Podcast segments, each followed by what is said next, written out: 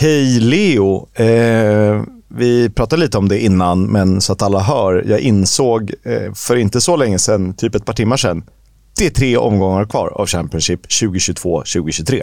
Ja, om man begränsar det till tabellen så är det tre omgångar kvar och skippar de hängmatcher som kommer nästa vecka. Men ja, då är det tre matcher kvar av... Det är helt sjukt, Kisk. Har vi tröskat liksom 43 omgångar redan? Det är, ja, det är galet. Jag tyckte ändå det var lite så här nu har de lagen som kan drömma om playoff eller ett nytt kontrakt, de har ändå chansen. Men tre matcher, då är det ju kniven mot strupen. Fyra det, för vissa då. Det är så jäkla mycket kniven på strupen här. Och vi kommer gå igenom tabellen, eh, vart händer lider i avsnittet. Men eh, det är ju så att det, kring playoff så skiljer det ju... Det är sju lag inom tre poäng. Sju lag inom tre poäng. Och eh, inom sjätteplats, inom radien för bara sjätteplatsen, så är det sex lag inom två poäng. Så det är, ja, det är helt sinnessjukt ja, det är eh, fasen, alltså lite, lite gåshudskänsla. För att det man, eh, det man drömmer om, eh, jag tänker att i något avsnitt ska vi ta ner tabellen på allvar och dela in lagen i liksom så här, men ettan och tvåan, Burnley, Sheffield United. Vi summerar deras säsong, vi kategorisera dem. Ja, men suveränerna säger vi då. Mm, mm. Sen har vi de, de givna playoff-lagen, i det här fallet då Luton och Middlesbrough. Grattis Luton som redan säkrat sin playoff-plats. Och så får vi ta ner det, men eh, oh, det är väl precis det här man vill ha. Nej, det är precis det man vill ha. Dock vill man ju inte ha det här som vi kommer bli tvungna att göra, men att eh, jämföra vårt tips inför säsongen med hur tabellen slutade. är det verkligen relevant med tanke på många tränarbyten och spelare som har bytt klubbar? du, menar, du menar att vi inte hade rätt förutsättningar att utgå ifrån? eh, jag tror att vi bara hade, förra säsongen hade vi bara ett enda lag på rätt plats i hela tabellen och det var Bristol City. Eh, var inte PNI på typ plats 14-15 där någonting också? Så kanske det var. Vi kanske hade två, om vi är generösa mot oss själva. Jag, jag, jag fan tveksamt om vi, ens, om vi slår vårt personliga rekord den här säsongen. Får vi se. Nej, eh, möjligtvis Sheffield United kanske, eh, Middlesbrough. I övrigt är vi ju så snett på det. Om Reading åker ur, eh, de kan väl få räknas ihop. Kanske. Alltså, vi hade väl Blades tvåa och Middlesbrough trea tror jag inför säsongen. Så där, ja, är, vi ändå, där är vi ändå rätt bra på det. Rätt. Ja. Men jag tror att vår gemensamma etta var typ Norwich och det var ju sådär. Ah, ja, skitsamma. Det här, är, det här får vi ta ordentligt i, i det avsnittet när vi jämför vår, vårt tips med hur det blev. Precis så.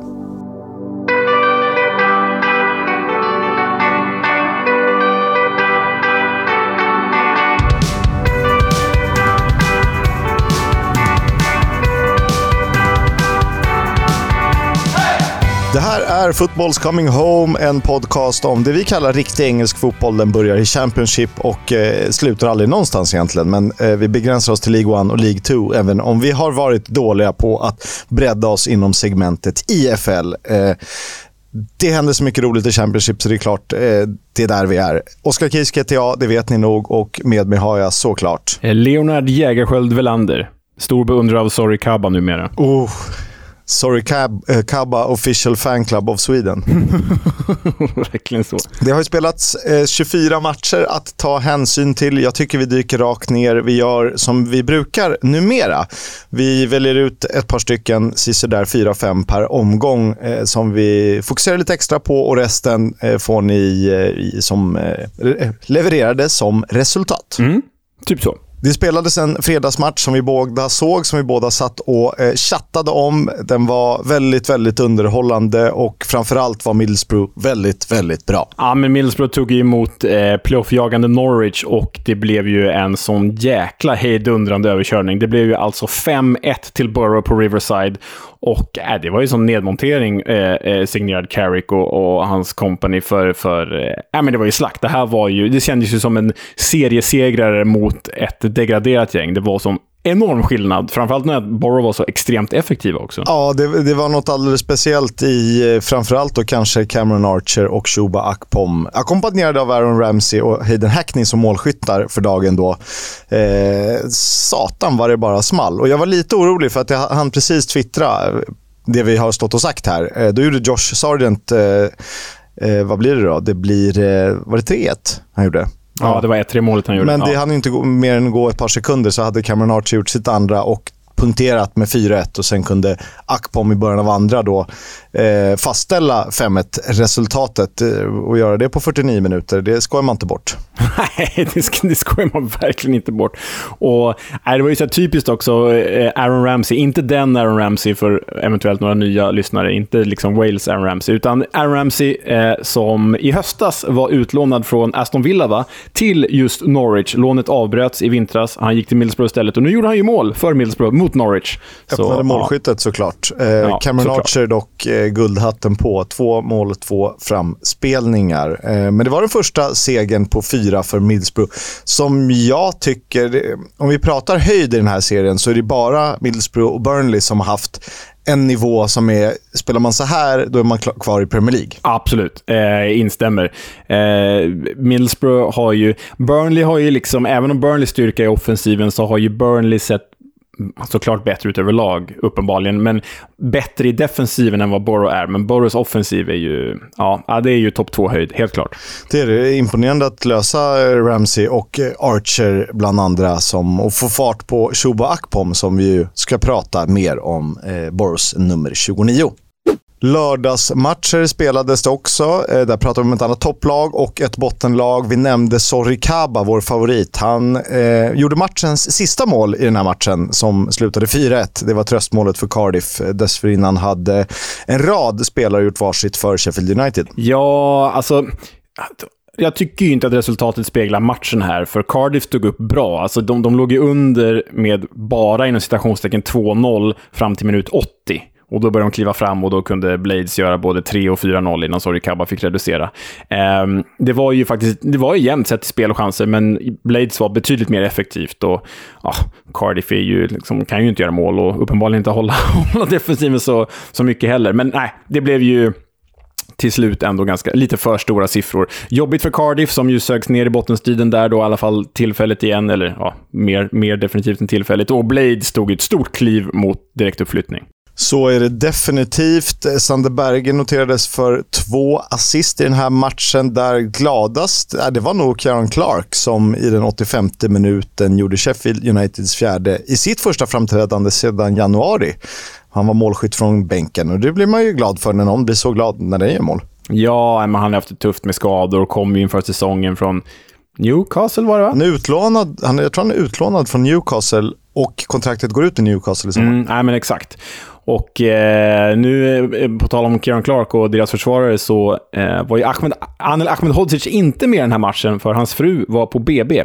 Barnet kom aldrig, eh, eller kom aldrig ska jag inte säga, men kom inte då. Det, den satt kvar, så han kanske missade matchen i onödan, men det gjorde ju inget. Eh, ja, för att jag har inte sett några bilder på några barn och eh, han tillhör väl generationen som brukar vara bra på att meddela sånt. Precis så. Viktiga poäng i botten stod på spel när Blackpool tog emot Wigan och det var Jerry Yates, vår favorit från höstas, som eh, lyst med sin frånvaro nu under andra halvan av säsongen. Men han satte sitt trettonde eh, mål för säsongen. Blackpool mot Wigan. Derby della I don't want to be last in the table. Derby della Jumbo. Ja, Derby della Jumbo. Eller näst-jumbo kanske. Ja, men precis. Och, jag menar, nu, nu, tog väl Blackpool hoppet... Alltså, den här segern gav ju Blackpool ett litet, litet hopp om ett eventuellt nytt kontrakt. Det ser ju alltjämt mörkt ut, men det är ju kanske någonting att komma hem till, till frugan och säga “Men du älskling, vi, vi kommer inte sist i alla fall. Det gör Wiggen. Wiggen blir jumbo, inte vi”. Ja, man, får man någon eh, placeringsbonus för 23 plats, då, eh, då ska det vara så. Eh, det ska väl mycket till om något av de här två lagen faktiskt lyckas säkra kontraktet. Men det är klart att eh, Yates gjorde vad han kunde för att hålla drömmen vid liv. Seger för Dobby i första hemmamatchen som interimtränare där eh, eh gästande Wigan var bleka framåt. Ja, alltså Latic sprang ju mest runt och skrek på straff. Och de borde kanske åtminstone haft en, kan man ju tycka. Sean Maloney var fly förbannad efter matchen. Det förstår man ju om de borde haft eh, tre pinnar. Men den stora grejen här, givet att det kanske inte var så stora förändringar i tabellen ändå, så var den stora grejen att James McLean, Wiggins irländska spelare och frihetskämpe, eh, han utsattes ju för rasism från hemmaläktarna. Eh, de eh, kallade honom tydligen, skrek tydligen “Your Euphenian Irish cunt”. Och det är inte så trevligt. Eh, och det fick honom att gå ut hårt på sociala medier och jag tar bara en del av det han skrev, men han skrev så här. Eh, The referee will make a report to the FA with evidence clear as day, as on many occasions over the years, yet nothing again will happen. This is simply just highlighting the double standards the FA have and how utter useless they are. Ganska hårda ord. Eh, det är rakt och tydligt. Och det händer ju mycket som inte händer så mycket med, om man säger. Eh, det är snabbt på att dela ut böter för någon felaktig sponsorskylt eller eh, den typen av eh, missöden. Men när det ska tas krafttag, då är det kampanjer som är ganska verkningslösa. Eh, exakt så. Så där får man ge honom en poäng. I övrigt så var ju Wigan-fansen i uppror eh, efter matchen. Det, det, de kände väl att ödet var beseglat. Men då gick Max Power ut, Max Power, Wigan-spelaren Max Power ut som ensam spelare till Wigan-fansen och mötte dem och stod och pratade. Det tycker jag ändå är snyggt gjort av honom, faktiskt. Det är starkt. Millwall Preston North End slutade 2-0 och det mesta målväg handlade om The Burmans i Burkamp, Sian Fleming, som gjorde ett och dessförinnan hade spelat fram till Tom Bradshaw. Eh, tre starka för Millwall som inte släpper den där, eh, den där playoffplatsen. Nej, men en seger som kom i rätt läge och mot rätt motstånd. För de har ju, vi har varit inne på det tidigare, de har varit i väldigt dålig form, precis som Blackburn börjat dala här på slutet när andra kommer, kommer underifrån, bland annat PNI. Så det var ju verkligen verkligen rätt motstånd att slå, för då liksom fick man en, inte bara tre poäng uppåt, utan man liksom höll ju PNI ifrån den här playoff-kampen också. Så jäkligt viktigt för Millwall. Tungt för PNI förstås, men eh, Millwall ska ju tacka George Long som, stod, som står i kassen och har ju petat Bielkowski under säsongen. Så ja, eh, viktiga pinnar för eh, gänget på The Den. Nu är det ju eh, andra lag bakom och det är fler matcher att eh, prata om, men det här kan ju vara en potentiell playoff trea eh, vad det lider, medan eh, PNI då kanske eh, tappar eh, möjlig playoff-dröm på grund av det här. Det får vi väl se innan vi går vidare. Sen är det som när Millwall spelar. Det brukar vara tråkigt bakåt och effektivt framåt. Och inte så mycket mer att säga. Nej. Vi håller oss dock kvar i London där QPR gästades av Coventry med en viss svensk, Victor Gyökeres, på topp. Och eh, han gör precis som han brukar, mål. Ja, 3-0 till Coventry, två av dem från Gyökeres. Och i och med det så blev han, hör och häpna, första Coventry-spelare att göra 20 mål i andra divisionen sedan Bobby Gold säsongen 66-67. Det är ju ett tag sedan. Ja, eh, sen är det roligt att så här, vill man förknippas med ett rekord i andra divisionen, hur mycket vi än älskar eh, The Championship. Hellre det än inget alls, som jag brukar säga. Oj! Det här lät, du, du lät överdrivet positiv måste jag säga. Jag trodde inte alls ja, du skulle gilla sådana här rekord. Ja, men vadå? Göra, vi, vi får ändå tänka att det här är ju typ Europas åttonde bästa liga. Det är ju, det är ju någonting. Hellre, hellre 20 mål här än 20 mål i Belgien. Liksom. Ja, men lite så är det. Jag tänkte så här, men är det inte så att någon i eh, högsta divisionen inte har gjort? Men det lär väl vara för det har statistikerna koll på. Eh, stort för eh, Gyökeres såklart. Gustavo Hammer också i fokus i... Han har varit vansinnigt bra under vårsäsongen och jag tycker också att han eh, har en stor del i att Coventry har varit så bra som segerorganisatör och dirigent på mitten. Ja, ja, gud ja. Det snackas ju faktiskt om andra klubbar för honom eh, framåt sommaren, så vi får se. Eh, men man förstår ju att det gör det. En annan spelare som stod ut för Coventry är ju faktiskt målvakten Ben Wilson. Höll 19 nollan för säsongen och med det delar han och Ethan Horvath Luton-keepern, eh, hålla nollor-ligan. De är ju Eh, starkt uppe där. Mycket bra gjort av dem. Otroligt bra. Eh, men jag tänkte lite på QPRs ras. Eh, de låg ju två i Championship efter 17 omgångar. Jag tror till och med att de hade eh, serieledningen ett kort tag i väntan på att eh, andra spelade match. Nu har de ju två segrar på 26 senaste och en poäng på de sex senaste. På den här nivån måste det vara ett av de mest häpnadsväckande rasen någonsin. Nej, men alltså, nu har vi inte kollat upp det här och det borde vi göra, men, men de, de jag kan erinra mig som man liksom tänker på, det är så här, ja, Real Madrid ledde ligan 2004 med 11 poäng och så vann Valencia istället till slut. Men det här är ju större liksom. Och fallet är ju tyngre, för det är inte så att de så går från etta till trea, utan de går ju från etta till potentiell nedflyttning. Eh, ja, ja, och du vet, man har ju så här läst om klubbar på typ 70-talet som vann ligan och sen året efter åkte de ut. Och Det är också ett rejält fall. Men det här är ju under en och samma säsong, vilket är så jäkla häpnadsväckande. Ja, och det är ju eh, på i princip, ja, men det är inte ens 20 matcher. Vi pratar, eh, vad blir det då, 16 omgångar har de eh, gått från andra till 22 plats, typ. Ja, nej det, ja, det är ofattbart alltså. Vi får fundera. Eh, ni kan alltid twittra till oss. Eh, vilka eh, säsonger och lag eh, missar vi i våra, eh, i våra tankar här? Mm. 3-0 blev det i alla fall till Coventry. Eh, 0-0 blev det när Reading och Burnley spelade på eh, Select Car Leasing Stadium eh, Tesla Elbil eh, Arena. Eh, jag såg den här fighten, Kisk. Mm. Tänkte att eh, äntligen ska jag få luta mig tillbaka i soffan och se lite mål och se Burnley vara roliga. Men tror inte att jag liksom prickar in Burnleys typ enda mållösa match för säsongen. Och Reading gjorde ju inget mål heller, så så kul var det inte. Och Readings första hållna nolla på typ 21 matcher. Mm, så var det ju faktiskt. Eh, så jag fick inte ens vara glad över att Joe Lumley släppte in en kasse heller. Nej, ehm, det, det, det var ju inte världens roligaste tillställning, men det var ju en jäkla bonuspoäng för Reading i den där bottenstriden som de har hamnat i nu efter minuspoängen. Och eh, nu har de ju fjärde, fyra, i och med den här matchen har de tagit fyra kryss på fem matcher. Interimtränaren, vad heter han? Hunt, va? Eh, Noel Hunt, va? Noel Hunt, precis. Du liksom inleder med att ta en pinne mot Burnley. Det är så jäkla starkt. Och framförallt, med Reading-ögon sett, så hindrade de ju Burnley från att kunna slå poängrekordet i Championship-historien. För det innebär ju att det här resultatet innebar ju att Burnley som bäst kunde tangera Readings rekord från 2006 eller 7. Så jävla bra bonus för Reading-fansen ändå. Såklart. Eh, nu kan de fortfarande vara bästa mästarna, eh, även om de åker ur eh, Championship. ja, precis.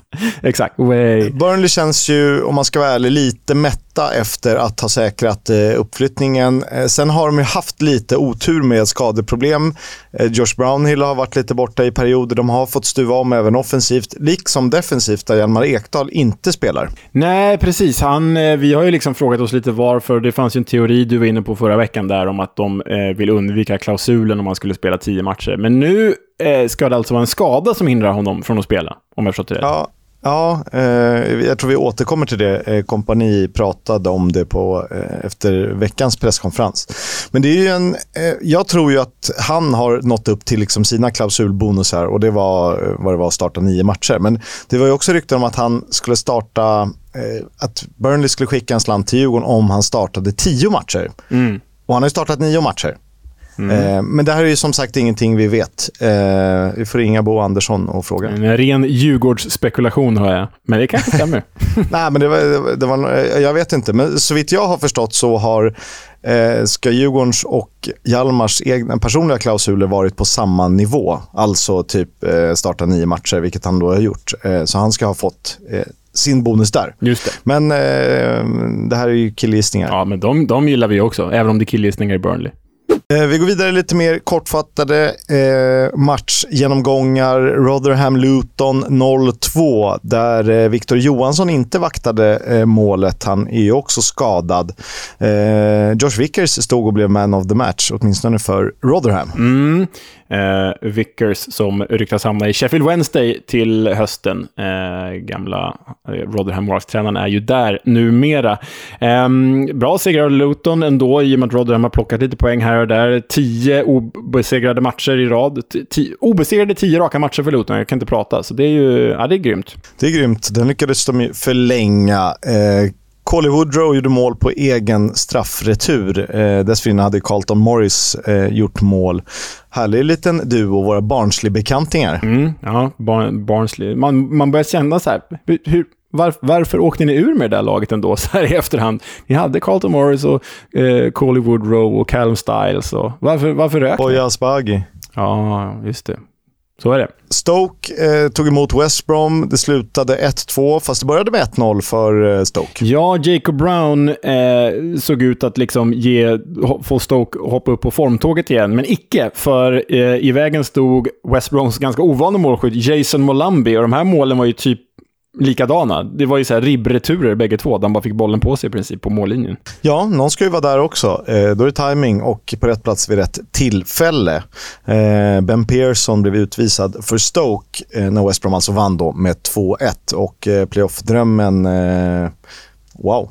Eh, de krigar på. Ja, de har smugit, smugit sig tillbaka där. Vi får väl eh, återkomma eh, i lite senare avsnittet när, med deras nästa match också. Vi vet inte om vi ska räkna med Sunderland, men poängmässigt eh, blir vi väl tvungna att göra det. De tog en superstark Victoria. Även de svarade för en vändning från 0-1 till 2-1 hemma mot Birmingham. George Hall 1-0 för gästande Blues och sen eh, två mål trots en man mindre lyckades de hålla ut. Ja, framförallt är det 2-1 målet av Amad Diallo som sticker ut. Det är ju hög, hög, hög nivå han bara bryter in från högerkanten, går förbi tre, fyra spelare i boxen och sen placerar in den i bortre. Är ruskigt fint mål av Amad Diallo.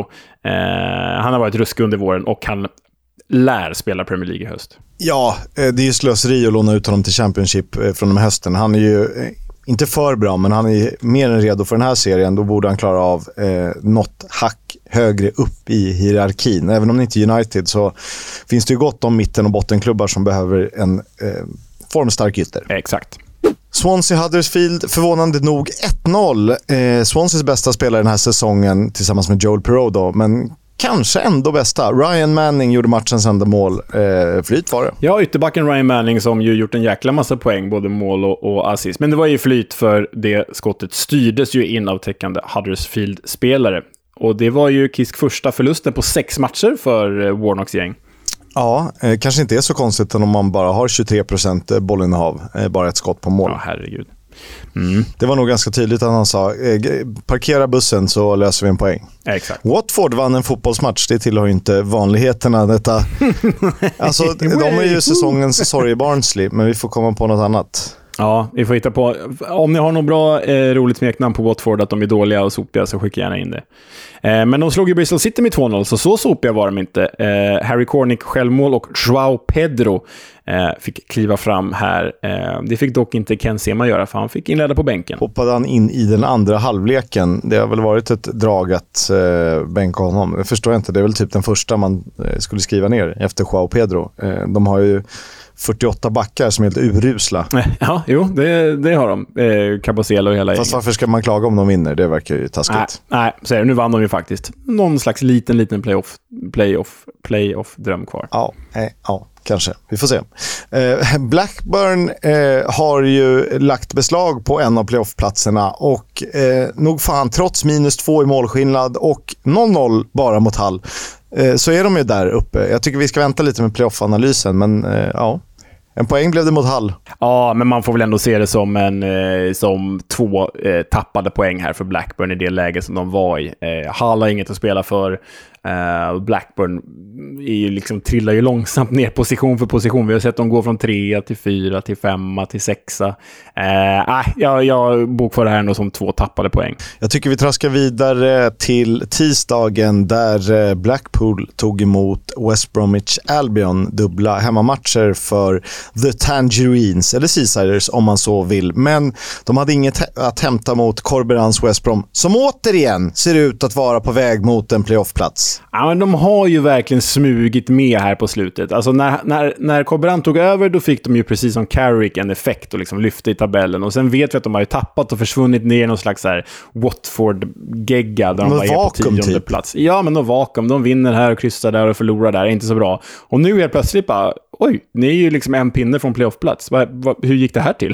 Det, det, är faktiskt så om vi eh, går händelserna i förväg. De har ju faktiskt playoffplatsen i egna händer i och med att de, och tillsammans med Blackburn, då har match till godo. Och visst, det är tufft att åka till Sheffield United och spela bortamatch en onsdag kväll. Men eh, vinner de den är de på playoffplats. Och det ska ju sägas, för det är ju nästa vecka, den matchen. Och det ska ju sägas att Sheffield United kan ju bli klart för direktuppflyttning redan i helgen. Och blir de det, så kommer ju West Brom möta ett redan färdigt Blades som är bakis som bängen. Och då är det nog tre poäng till Baggies. Eh, det kan det ju vara. Eh, för här lyckades de alltså vinna borta mot Blackpool. Eh, däremot skulle jag nog säga att det är ett under att Blackpool inte tar en poäng. För satan vad de bränner och det är nästan så att man lider med dem. Ja, men det gör man. För nu har ju de liksom, under Steven Dobby så så spelar ju de den typ av fotboll som de borde ha gjort hela säsongen. Alltså offensivt, flödande, de släpper fram ungdomarna, men är man inte effektiv så är man inte effektiv. Och det är ju lite för sent nu. De skulle inte ha tagit Mick McCarthy, men det har vi ju varit igenom. Um, men visst, de kunde ha haft poäng här, men så blev det inte. Så blev det icke. Eh, poäng delad sådana eh, blev det mellan Rotherham och Burnley. Och eh, det svängde här. Josh Vickers stod i mål, ska ni veta. Han blev utbytt i paus. In kom hyfsat unge Robbie Hemfrey. Eh, Victor Johansson var ju glad för hans skull, men tredje målvakten stod andra halvlek alltså. Mm, hans eh, ligadebut. Kul för honom ju.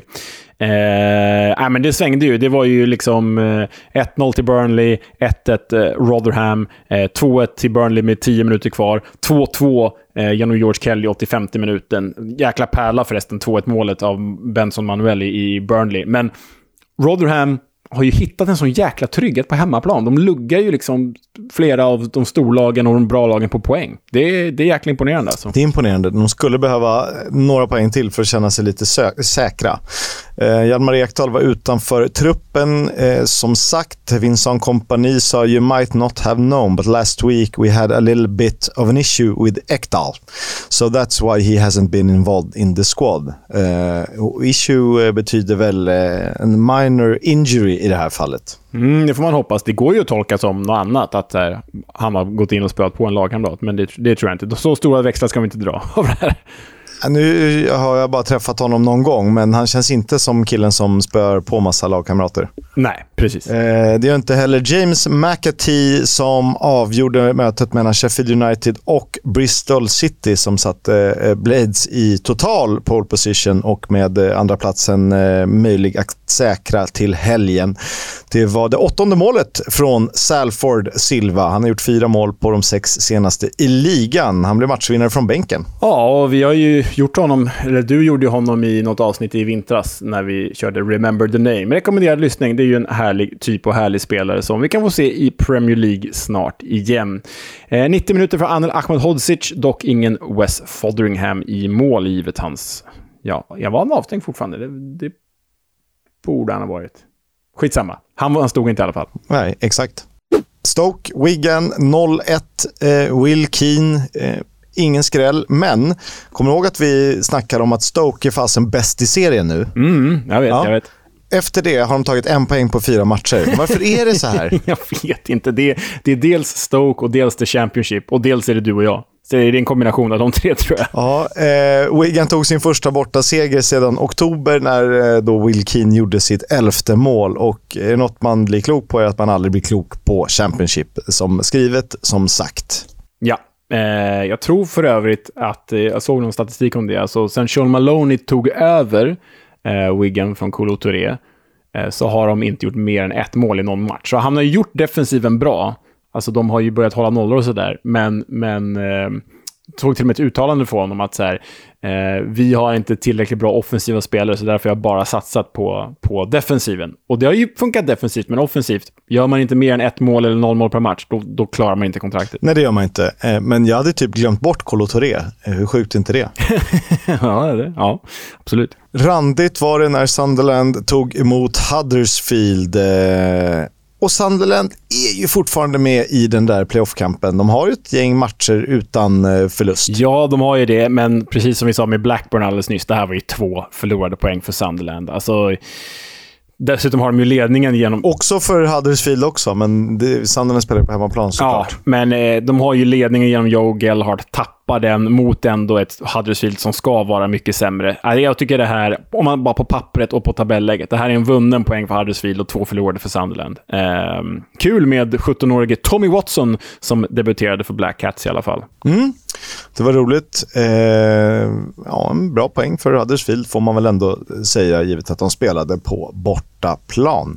Millwall, eh, på tal om playoff, eh, de är ju med där och i nuläget har de ju till och med femteplatsen. Men mot Birmingham gjorde de inte någon glad. Nej, torsk 0-1 hemma, låter Lukas Jurkevic göra mål. Nej, det är svagt av Millwall och det känns ju då som att den här segern mot PNI eh, i helgen nästan var en så här olycka eller så här, en anomali för de har varit i så fruktansvärt usel form, Millwall. Och skulle de klara playoff-platsen eh, på de här tre sista matcherna så känns det som att de, de är ju det lag som går in i playoffet med klart sämst form. Eh, sen vill man ju ha Millwall på playoff, men det känns inte, ah, det känns inte jättebra för tillfället.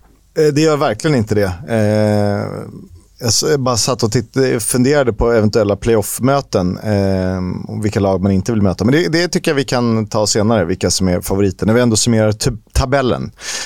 Birminghams första seger på fyra matcher, det var ju roligt. och bara en på de sex senaste för Millwall alltså. Ja, riktigt tufft där för Lions. Det spelades matcher under onsdagen också. Blackburn Coventry 1-1. Sam Gallagher 1-0 för Rovers. Eh, men det bäst häpnadsväckande här var ju eh, att Ben Wilson gjorde mål för Coventry. Och vad är det för konstigt med Ben Wilson? Jo, han är ju typ seriens bästa, eller näst bästa målvakt. Ja, vi har ju hållit 19 nollor den här säsongen. Den här gången höll han inte nolla, men han klev upp på hörna eh, som fick slås om. Eh, vilket gjorde Blackburn, eh, mm, eh, publiken och spelarna och Jon Dahl Tomasson arga.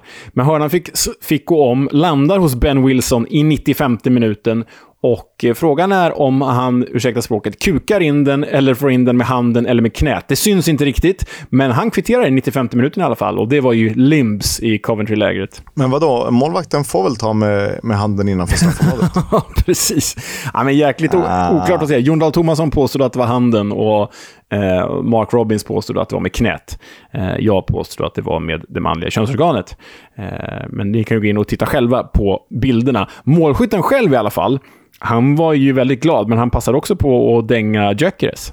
Sky Blue Army, thank you again for your amazing away support. You were absolutely incredible from start to finish. You stuck with us after, even after going 1 0 down. I thought you was absolutely outstanding. And in the end, we got what we deserved out of the game. Thankfully, I know how to score off one touch rather than Vic taking 20 touches. So I'll take that and I'll teach him how to score when next in training. Safe travels home. All the best.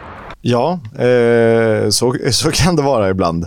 Eh, Gyökeres som ju spelade hela matchen förstås, allt annat är ju konstigt.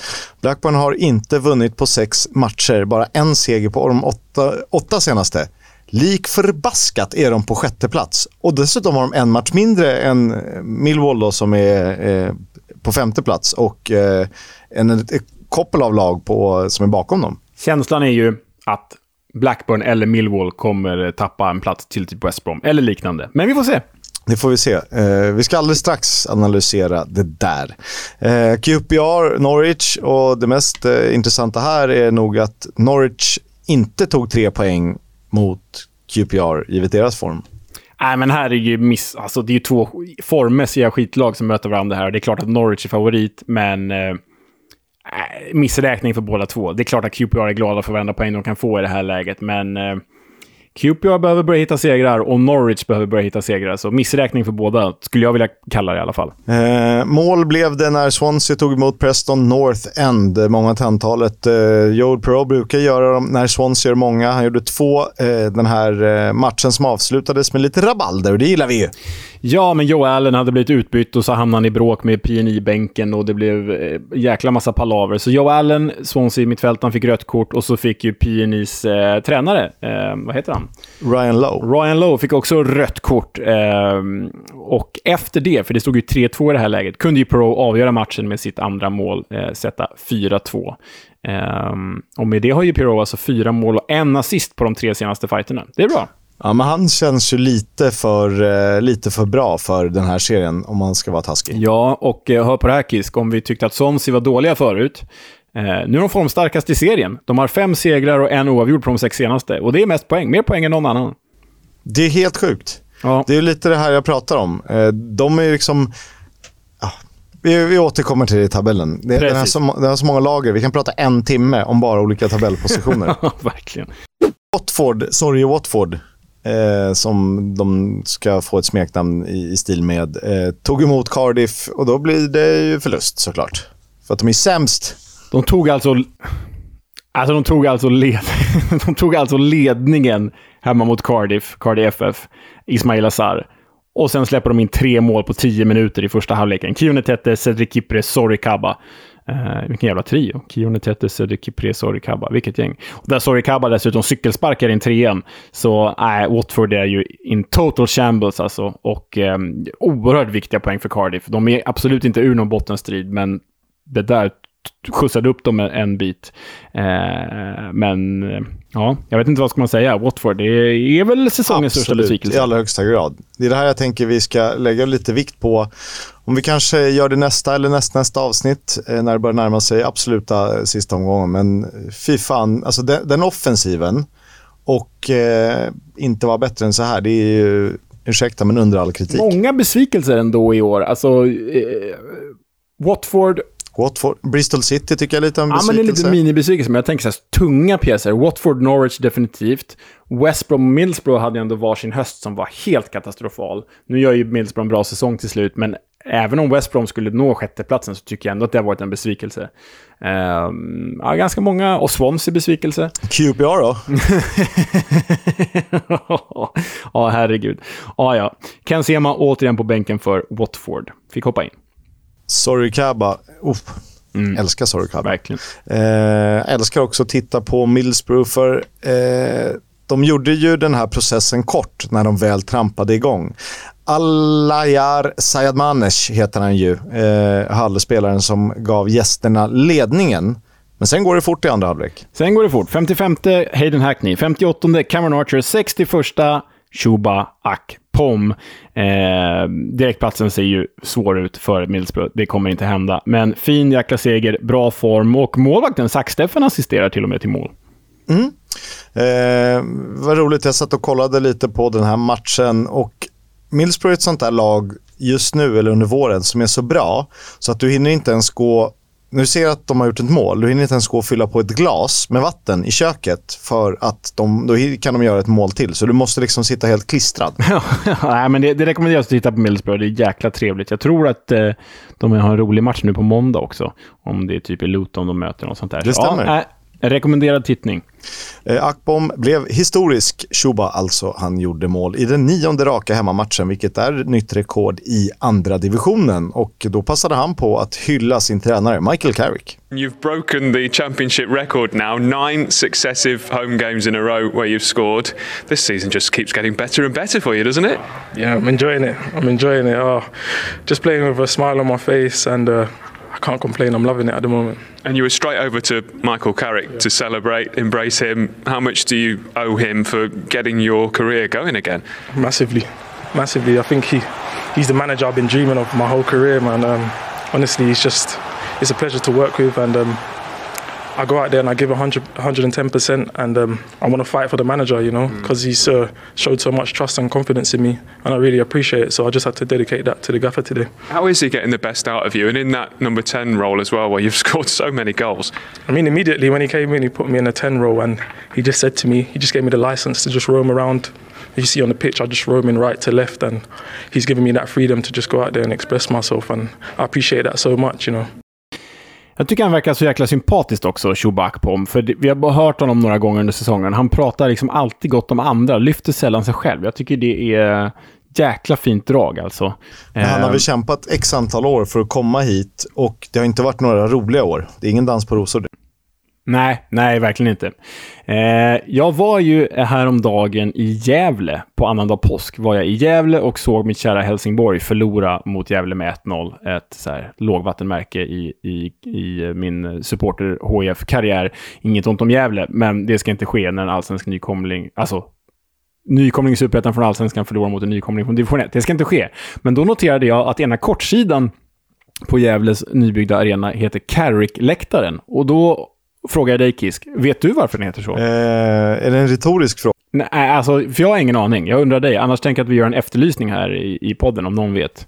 Men det, det var väl eh, på grund av att Michael Carrick gjorde mål i någon u landskamp där va? Nej, alltså jag har ingen aning. Jag har absolut ingen aning. Är det så?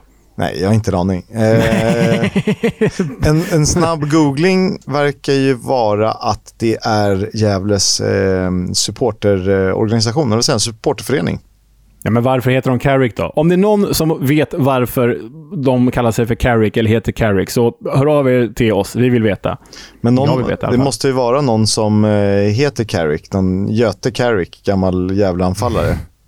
Ja, jag hade ju typ en, eh, jag tror det var gymnasielärare, som hon hette Eva Carrick. Ja, det finns ju i Sverige också.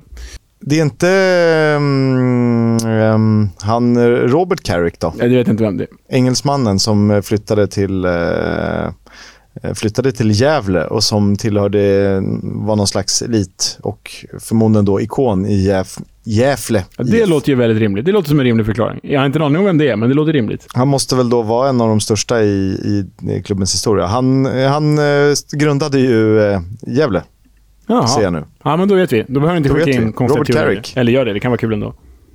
Nej. Han är alltså pappa till Michael Carrick då? nej, nej, det är han inte. Nej. Nej. Nej, nog med sidospår. Vi går vidare till ett eh, rungande derby återigen på Tesla elbil laddstation Stadium. Eh, Reading, Luton 1-1 och allt, ja, åtminstone allt handlade om en viss Andy Carroll. Ja, Reddings antihjälte. Han gör alltså 1-0 i en bit in i den andra halvleken. Sen gör han 2-0 bara fem minuter senare. Problemet är att han gör det med handen, ytterst medvetet, drar på sig rött kort, blir utvisad, målet döms bort. Så Reading får spela hela andra halvlek med en man mindre och då kvitterar de ju förstås. Alltså Luton kvitterar. Ja, men jag blir lite så här, det är ju, det är ju inte en hand som eh, stoppar ett anfall, mål, eh, utan det är ju en hand som är uppe i strax ovanför huvudhöjd. Eh, så att även om det är avsiktligt så är det ju liksom... Är det inte konstigt att han får ett gult kort för det? Ja, Eh, Är, eller är en handboll eh, automatiskt ett andra gult då? Eller är det ett automatiskt gult kort? Är hands över hela ja, planen eller? Ja, man, det får de i och för sig inte alltid, men jag tror att det är regeln. Men jag, jag är ju allt annat än en regelryttare när det kommer till sånt här, så jag vet inte. Faktiskt. Jag tycker de ändrar det så ofta. För ett tag var, då var det boll söker hand, hand söker boll och vad gäller, vad gäller inte. Men det kanske är så att om eh, Hansen eh, anses vara uppenbar och uppenbart avsiktlig så är det eh, gult kort. Vi, vi lever med det tills vidare. Eh, men eh, Carlton Morris såklart gjorde det för Luton. Det var hans 18 mål för säsongen. Skuggar två mål bakom Victor Gyökeres. Ja, nej, oerhört imponerande ju. Eh, vi kommer återkomma till det nästa vecka, men då kommer vi släppa nomineringarna till årets lag eh, som ni ska få rösta på och så ska Kiss och jag göra ett eget lag själva. Men Carlton Morris är förstås en av de nominerade i... i det kan vi avslöja i alla fall. Det kommer han vara i allra högsta grad. Det frångår vi såklart inte. Luton kommer nog få det tufft att nå en direktplats givet Sheffield Uniteds läge och de kan ju säkra den i helgen eller till och med nästa vecka. Så att i nästa avsnitt kan de ha säkrat det. Däremot har ju Luton säkrat playoff och det lyfter vi på hatten för såklart. Verkligen. Otroligt imponerande. Verkligen, verkligen, verkligen. Faktiskt bara åtta förluster den här säsongen. Det är ju Nej, det är bara ett lag som har färre. Det är helt sjukt. Ja, det är Burnley, såklart. Eh, wow, wow, wow. Vi tittar till tabellen då. Eh, Burnley är klara. Sheffield United lär ju vara klara när vi spelar in nästa avsnitt. Ska vi våga sticka ut hakan? De behöver väl... Eh, hur många poäng är det de behöver? Är det en poäng? Eh, är det en poäng? Eller. De behöver tre Nej, de poäng. behöver tre eller? poäng Ja. för att matematiskt säkra det. Sen om de tar två poäng till så har de ju eh, 12 plusmål på Luton. Och det ser jag väl som osannolikt att de ska tappa. Precis. Eh, sen har vi ju Luton som då säkrat playoff med Middlesbrough eh, strax bakom. Middlesbrough har ju inte säkrat playoff givet att West Brom och eh, Blackburn har eh, matcher till godo.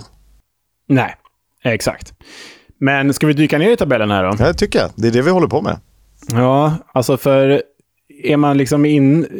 Vi, vi vet, alltså så här, även om det inte är matematiskt säkrat för Middlesbrough så kommer de ju, de kommer ta playoff. Men sen har vi då alltså, häng med här nu, femte plats Millwall 65 poäng. Och så går vi ner till elfte plats Preston 62 poäng. Det skiljer alltså tre pinnar mellan Millwall, Blackburn, West Brom, Coventry, Sunderland, Norwich, Preston.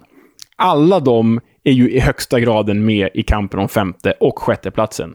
Och som om det inte vore nog så finns ju faktiskt Watford och Swansea på 59 poäng. Det ser jäkligt svårt ut. Men säg att Watford eller Swansea vinner sina tre sista matcher. Ja, då, då är de ju... Då är de nog där uppe ändå. Ja, eh, men eh, problemet är ju, vi pratade någon, eller det var du som drog resonemanget att eh, den, här ser, den här säsongen har inte varit dålig. Det har varit serien som har varit jämn. Och tittar man på de här playoff-utmanarna, och jag vet inte, vi kan väl baka in Swansea givet att de nu gör ett sista desperat race för, från Millwall på femte plats ner till Swansea på trettonde plats. Det är ju där eh, det är jämnt. Det är de som är lite för dåliga eh, för att man ska kunna kalla en jättebra säsong, tycker jag. Eh, de håller på att slarva bort poäng. Kolla Blackburn nu, har de tre raka kryss och ett gäng utan seger. 16 förluster har de. Helt sjukt. De har De, alltså, 16 man ska inte kunna ligga... Man ska inte kunna ligga sexa på minus två. Nej, nej, nej det är, å andra sidan, Huddersfield hade väl minusmålskillnad förra året och kom trea. Så det, Ja, okej då. ja, ja. Eh, och det är lite spännande här. Eh, jag tror ju, eh, om West Brom tar en plats, så kan de bli rätt jobbiga.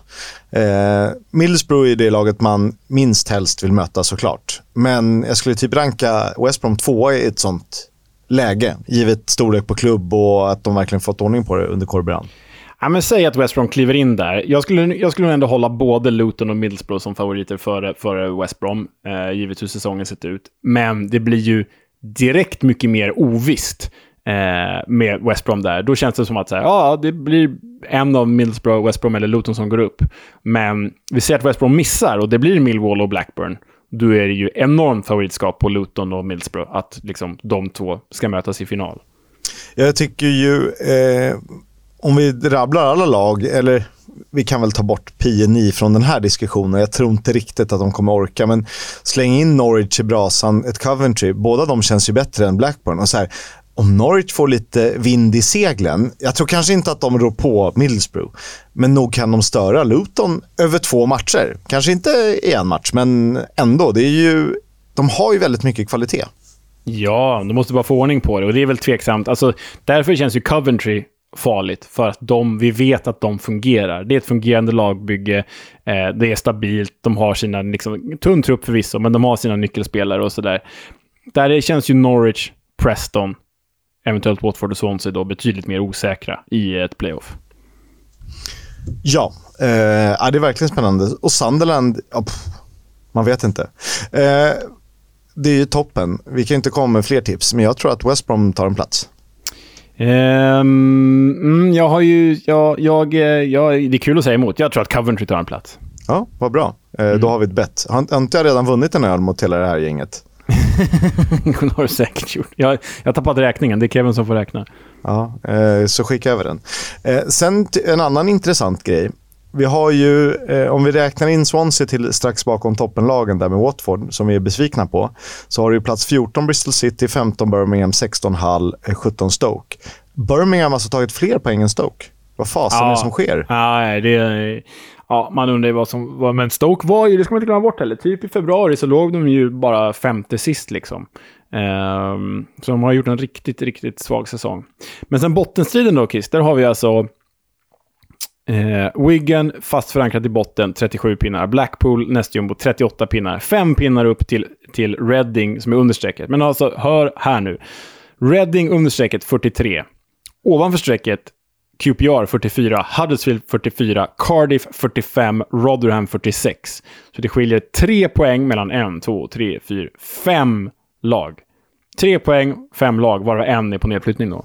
Det är nästan en större nagelbitare. Eh, för att åka ur League One är tufft. Det är inte riktigt samma, eh, samma fotboll, det är inte samma ekonomi, det är inte samma exponering.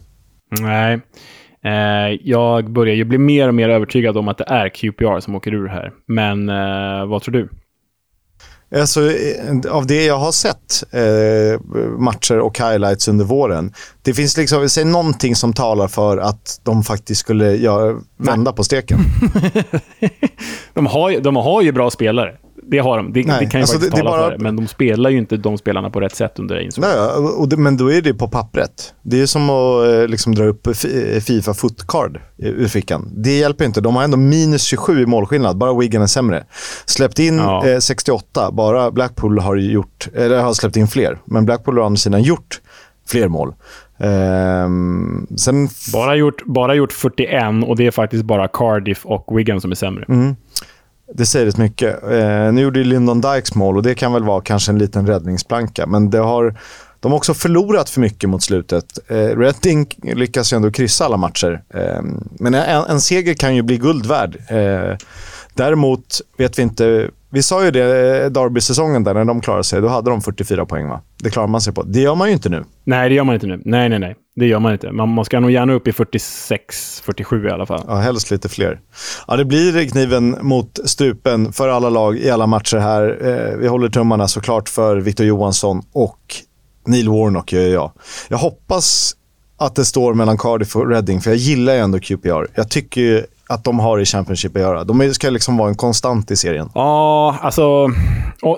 så här. Om det inte vore för att vi hade besökt Rotherham och Victor Johansson, då hade jag kunnat skicka ner Rotherham. För alltså, det är, innan man är där så är det väldigt intetsägande. Eh, Cardiff ger ju ändå den här walesiska kryddan. Jag skickar nog ner Reading alltså. Eller typ Huddersfield. Warnock är all ära, men, men, eh, men de kommer inte åka ur. De kommer klara sig. Det hoppas jag också. Det här blir spännande. Vi får eh, summera varje lags säsong med korta omdömen tycker jag, när vi hinner. Eh, där kring playoff, för då är det inte lika många matcher att summera. Exakt.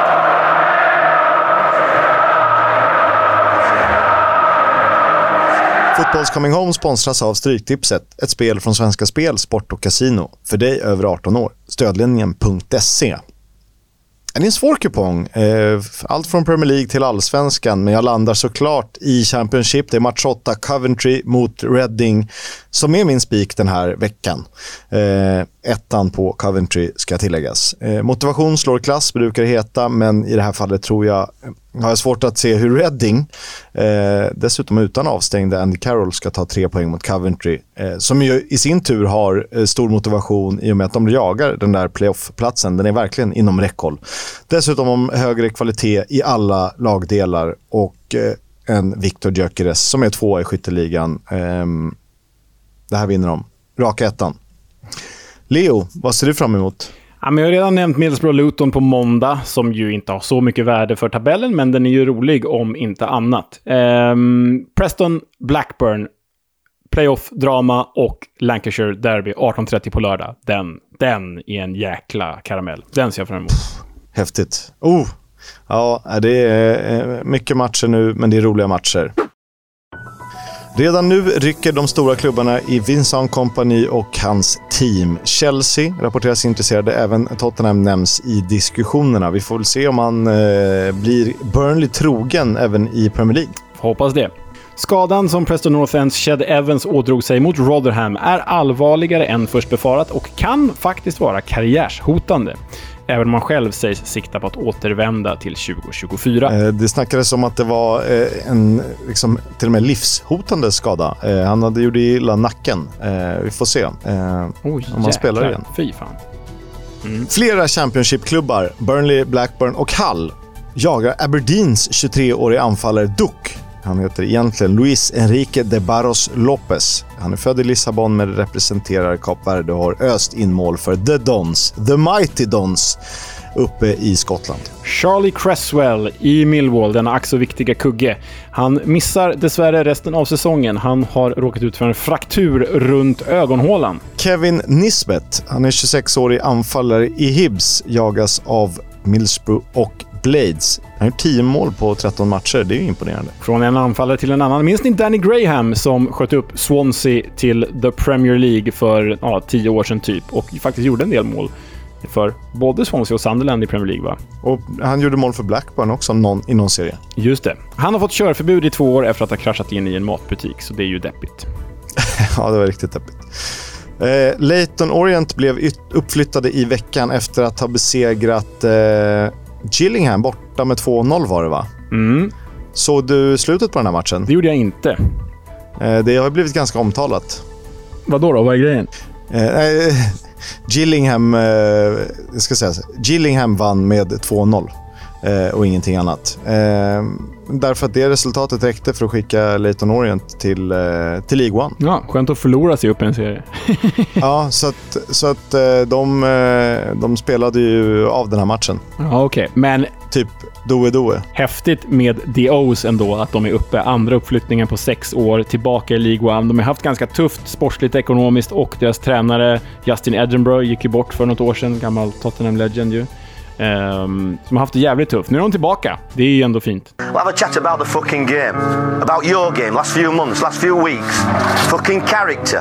Chris Kamara och Roy Keane är kanske goda vänner, vad vet jag. Eh, men det figurerar en ganska rolig grej när eh, Chris Kamara gästar Peter Crouchs podcast. Och Crouch verkar ju vara en sympatisk filur. Ja, men det verkar han ju vara och bjuder in ganska roliga eh, gubbar och sådär. Jag har hört att hans, hans eh, böcker ska vara bra också. Inte läst dem än, men han ska vara ganska humoristisk. Men här bjuder han alltså in då Chris Kamara som drar en eh, ja, men härlig story från när han och Roy Keane sprang på varandra för ett gäng år sedan. I got to tell you my Roy Keane story. Have I got Please time? do. You have got time. Right, he was manager of Sunderland. Yeah. I was in the Marriott Hotel in Cromwell Road, Kensington. Right. So um, he's the manager of Sunderland. Now, we used to stay there. We don't stay there anymore when doing Sky. So I get in the lift on the fourth floor down to the ground. Third floor, it stops. Roy Keane walks in. So Sunderland was struggling at the time. So you know what it's like with the, the lift. So the lady goes, going down. I said, I think she's talking to you, Roy. and to be fair, he looked up and he didn't give me the glare. I could see a glimmer of a smirk. Wonderful. Ja, det är, det är fantastiskt roligt. Att han ändå vågar göra det med, med Roy Keane tycker jag är... Eh, det är otroligt bra. Jag gillar Chris Kamara. Jo, man gör ju det. Men jag, jag, tycker också det är roligt att han berättar att han såg ett leende i, i Roy Keens mungipal. Och jag tror att Roy Keane uppskattar det där, den piken ändå. För det är säkert en sån grej som Roy Keane hade velat säga själv till någon annan. Och därför uppskattar han det. Exakt. Eh, vi får gissa att han är så stor. Ja. Det var dagens avsnitt. Eh, mycket matcher, mycket tabellsurr såklart. Eh, vi får återkomma med lite gott. Jag tänker, jag har en väldigt rolig idé till The Club som inte ska handla om en klubb utan som ska handla om eh, någonting helt annat. Men det, det ska vi prata Okej. om i vår. Spännande. Det lovar jag. Mm. En cliffhanger. Eh, vi hörs.